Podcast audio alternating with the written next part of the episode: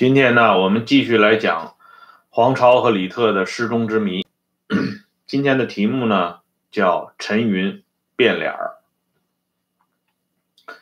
上一次节目呢，我们留下一个小尾巴，就是说王树声的大义灭亲啊，比李先念的大义灭亲画面更精彩。为什么这么讲呢？啊，这里呢，我们来说一下王树声啊，大家都知道，他在一九五五年被授予大将军衔，是红四方面军的主要代表人物，曾经做过徐向前的副手。王树声的本名呢叫王洪信啊，他呢兄弟姊妹一共是五个人，他的大哥和二哥呢就是王洪忠和王洪树。啊，都是死在国民党手里。他的弟弟王弘毅和他的妹妹王桂玉啊，就是又叫王自谦啊。这两个人呢，是在张国焘推行的肃反当中啊，被共产党自己给杀掉了。而且呢，他二哥王洪树啊，留下一个未亡人，就是他的二嫂啊，在肃反当中呢。也被共产党自己给杀掉了，也就是说呢，王树声这一家啊，兄弟姊妹五个，亲戚堆里有两个人死在国民党的手里啊，有三个人呢死在共产党的手里，基本就是这么个情况。但是呢，面对这种啊残酷的肃反呢，啊，王树声呢。表现的啊非常坚决。王树声自己在自传当中啊说过，他说：“由于我的家庭是地主成分，二嫂、弟弟、妹妹均被捕杀，我思想上有些顾虑，但未表现不满，因此获得了党的分局、省委诸多同志的爱护。”哎，就是说，面对这些亲人啊被。政治保卫局抓去，然后呢，残酷的杀掉王树声呢，是纹丝不动。哎，王树声这个人的大义灭亲啊，那是很有一些来头的啊。我们这个讲到王树声有个舅舅啊，那是他亲舅舅啊，他大舅。呃，还有一个，他这个舅舅有个儿子啊，就是说父子俩，这个儿子呢是王树声的亲表哥。啊，王树声在闹红的时候，就是搞这个农民运动的时候啊，亲手抓住他这个大舅和他这个表哥，然后呢，当众处决，啊，这是一条，还有一条呢，他亲自啊领着人马去把他的舅老爷啊，这什么叫舅老爷呢？这北方人讲舅老爷，就是这个人呢，啊，和他的奶奶啊是。亲姐弟的关系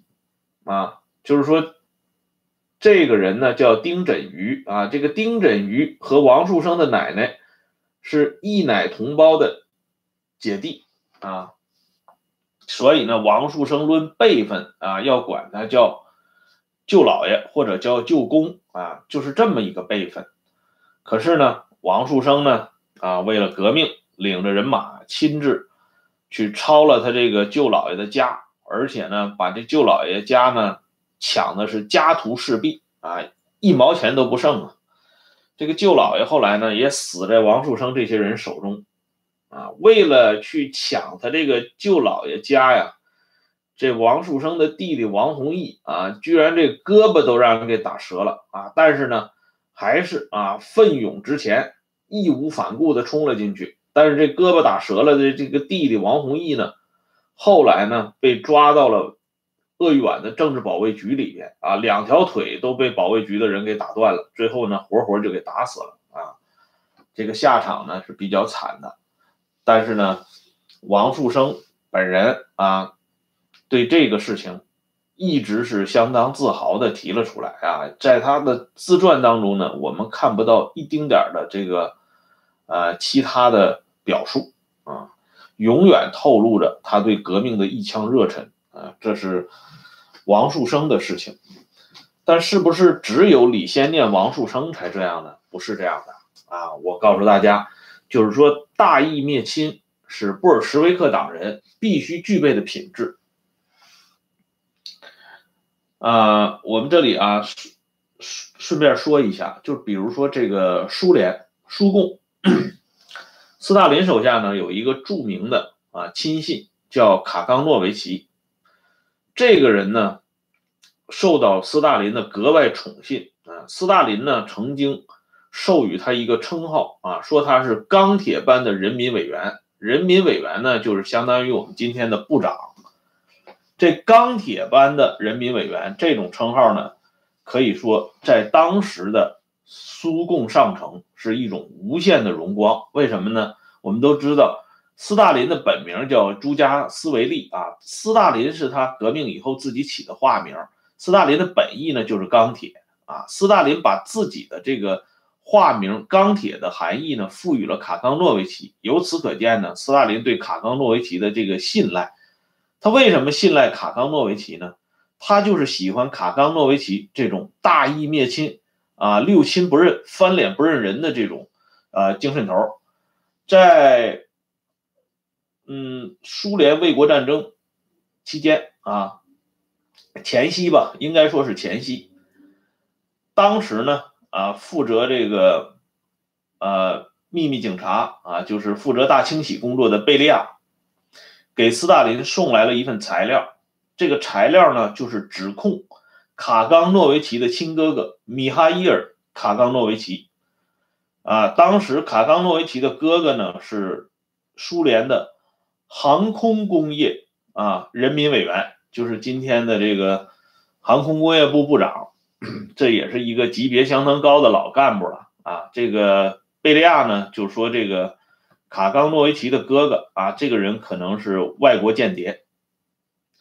斯大林就把这个材料拿着，然后呢，有一次他碰到了卡冈诺维奇，他就问这卡冈诺维奇，他说：“现在呢，内务部的同志啊，指控米哈伊尔是外国间谍啊。”卡冈诺维奇同志，您怎么看这个事情？嗯，这卡冈诺维奇啊啊，瞬间的啊，这个这个脑子一转啊，斩钉截铁的对斯大林说了这么一句话啊，三个字啊，逮捕他，哎，就是说把他哥哥抓起来。哎，斯大林非常高兴，然后他就指示身边的工作人员说，哎。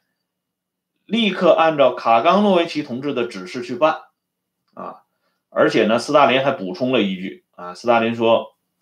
我们苏维埃社会主义国家啊是一个法治的国家，啊，在逮捕他之前，呃，应该去派一个委员会去调查了解，他是不是有这样的情况啊？等这些表面文章啊还没有开始做的时候，卡冈诺维奇的这个哥哥啊。二十年代是上个世纪二十年代就参加布尔什维克革命的这么一个老党人啊，拔出手枪在自己的这个办公室里自杀了。这卡冈诺维奇的再一次的坚韧不拔啊，受到了斯大林的赞许。事实上呢，不光是卡冈诺维奇啊，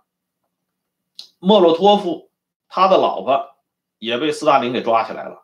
赫鲁晓夫的儿媳妇啊，也被斯大林抓起来了。斯大林身边的这些亲信呢，他们的家庭呢，在不同程度上都被斯大林搞得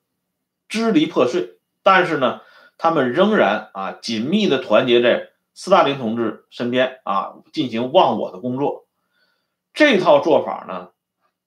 呃，是发生在这个二十世纪三四五。这个这二三十年当中，张国焘在鄂豫皖苏区搞肃反，是一九三一年到一九三二年之间啊，一年多的时间。所以呢，张国焘不可能到斯大林那儿去取经，但是呢，张国焘仍然用了这种办法去考验他身边的干部，凡是受得住这种考验的啊，立即予以提拔。凡是对这件事情呢有一丁点反弹的，立刻被株连杀掉。可见呢，张国焘的这种无师自通呢，绝不仅仅是张国焘本人的聪明才智，而恰恰是这个布尔什维克党啊，它本身这种这套制度啊，这种自上而下的这种这个搞法啊，必然驱使张国焘去做出这样的选择，也必然驱使李先念和王树声做出那样的抉择啊，这是一种必然性。事实上呢？呃，毛泽东在文化大革命当中做的也是同样的啊事情。你像当时文革当中的一些红人啊，呃，他们虽然呢啊，在这个外边啊风光无比，可是他自己家里呢也有一些啊这个难言之隐啊。最典型的是这个，咱们说就是张春桥啊，都知道张春桥是毛的在文革当中的顶尖亲信。可是张春桥的亲弟弟呢，当时被吴法宪啊搞搞成专案，啊搞的是投告无门啊。这个张春桥的这个亲弟弟啊，他这个试图去找他的哥哥张春桥进行诉苦呢，反而被张春桥拒之门外啊。张春桥根本就不管这个事儿啊。同时呢，像叶剑英啊，他的孩子呢啊，他的这个女儿儿子啊，被江青搞了专案。可是丝毫不影响啊，叶剑英继续这个表忠心，所以说这样一个氛围呢，也让我们看到了这场所谓的大义灭亲，它的实质是什么？正是因为有了这种啊，不是一般意义上的大义灭亲，所以呢，后边的这个高层的政治内讧、厮杀和互相的这种缠绕，也就可以理解了，也就是在情理之中了。说完了这个王树声呢，我们继续来讲这个黄超和李特啊。这个李先念呢，因为见机行事啊，转弯很快。可是黄超和李特这两个人呢，反应就比较慢啊。这两个人有点认死理儿，他们全然不知道这位啊迎接他们的中共中央代表陈云，到底人家是肩负了什么样的使使命。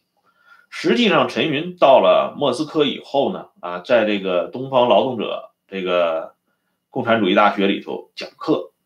在整个这个过程当中呢，包括他与共产国际的主要领导人季米特洛夫的接触啊，陈云实际上一直在做着一项工作，虽然这个工作呢不是公开进行的，然而呢，这工作一直是没有间断，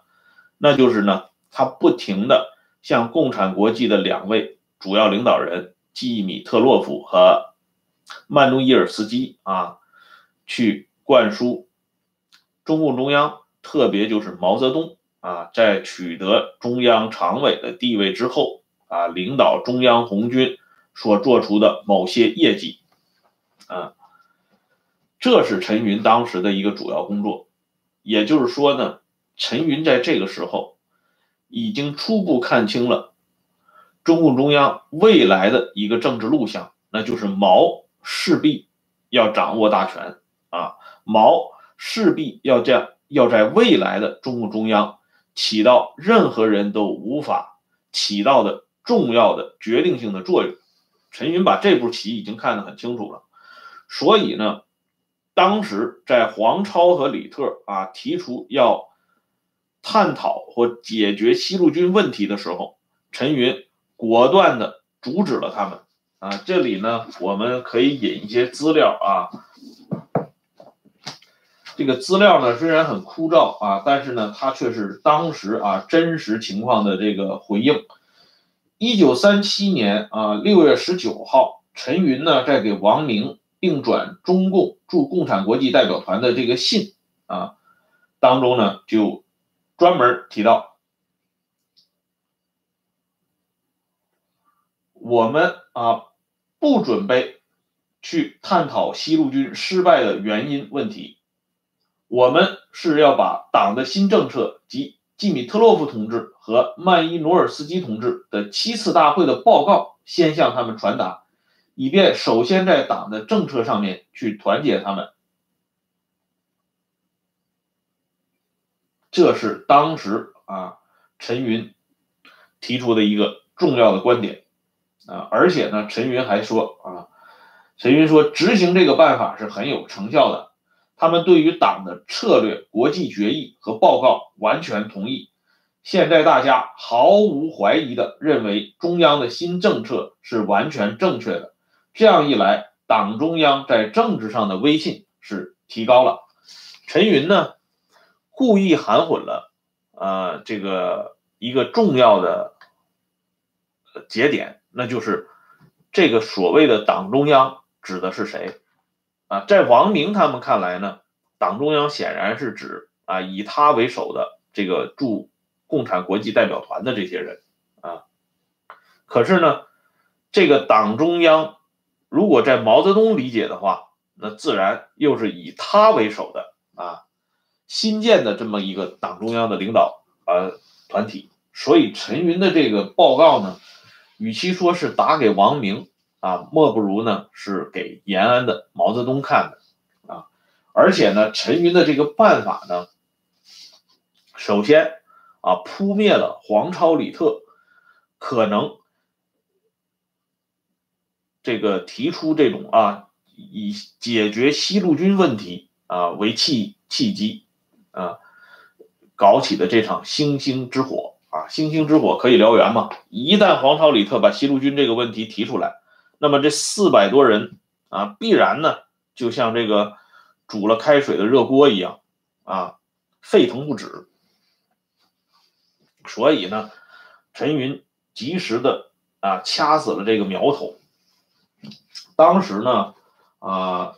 原来的红三十军八十八师的参谋长饶子健啊，饶子健呢是在一九五五年被授予中将军衔。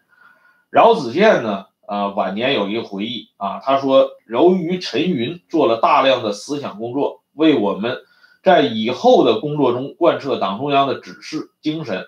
把部队的思想统一到毛主席的正确路线上来，打下了坚实的思想基础。哎，饶子健的这个回忆，实际上也就等于啊，告诉了我们陈云在给王明的那个信当中所提到的党中央具体指的是谁。而另外一个这个西路军的老战士叫于新华啊，他也回忆一个问题，就是陈云到下边找干部谈话。进行个别的启发教育，做了大量的细致的思想工作，以摆龙门阵的方式啊，向大家做出解释和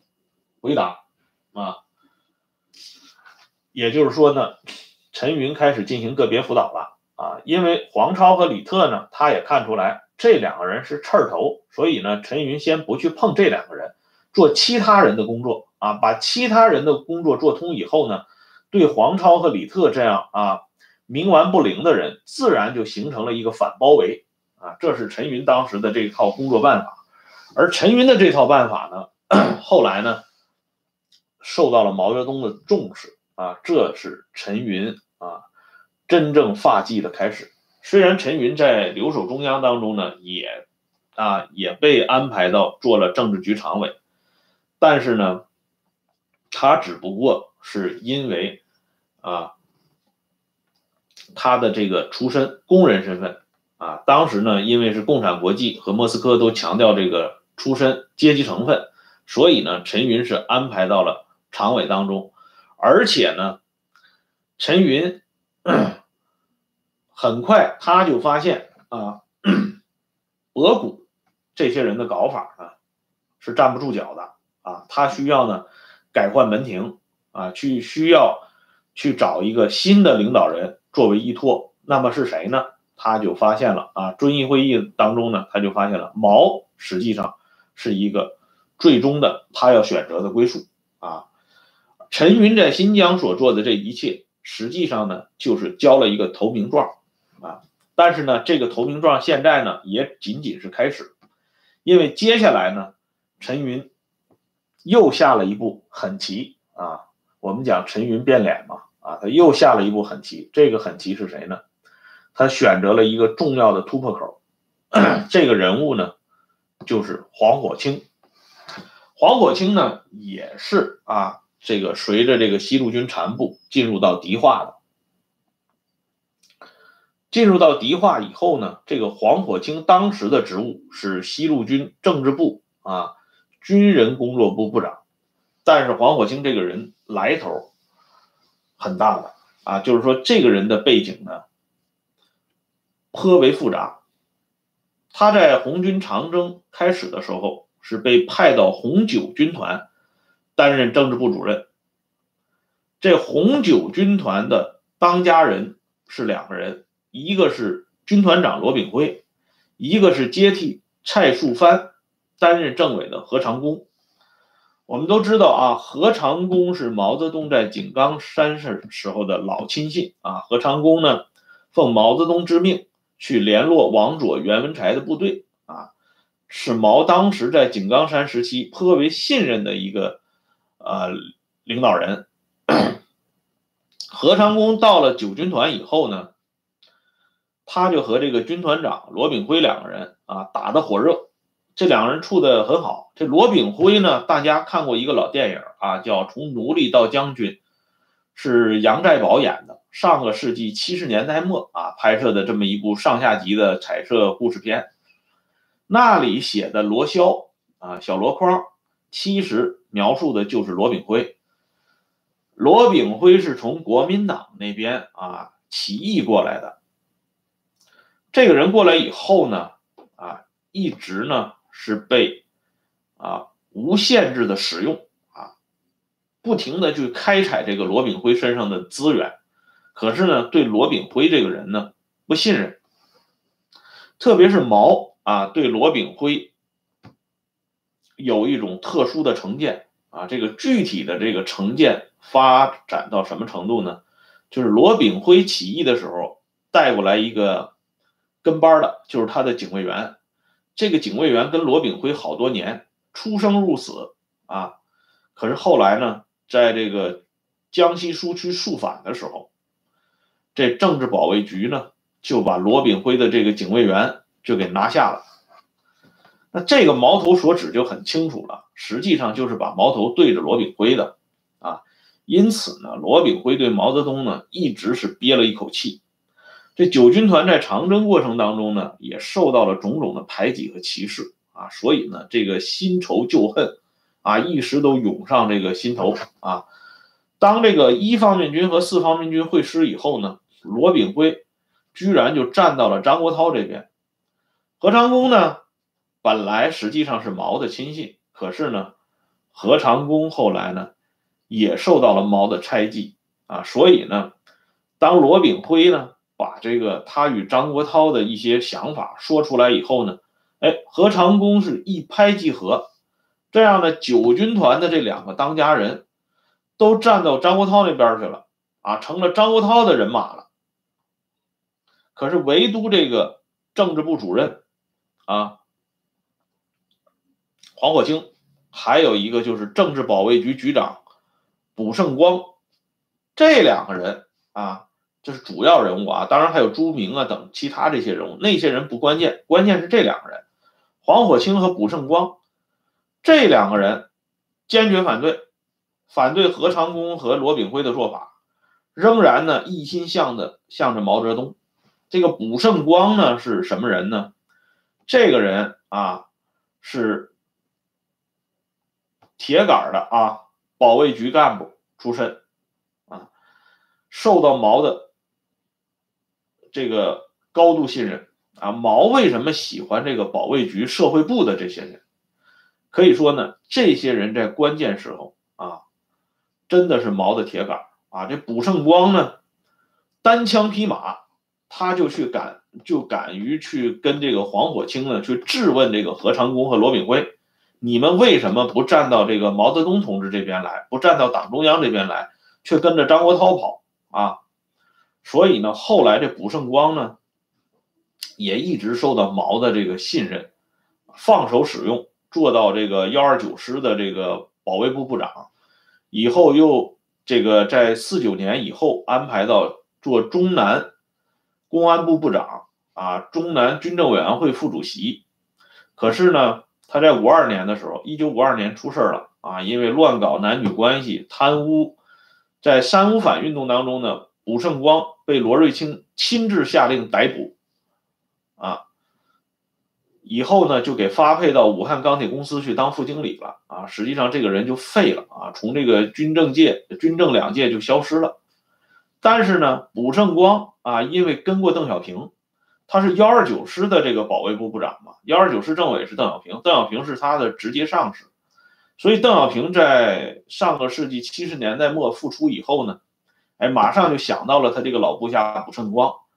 说这个老卜这个人啊，实际上犯的都是小节错误啊，大节上没问题，又把这卜胜光呢从这冷宫里给捞出来了啊，安排做了两届的湖北省政协副主席，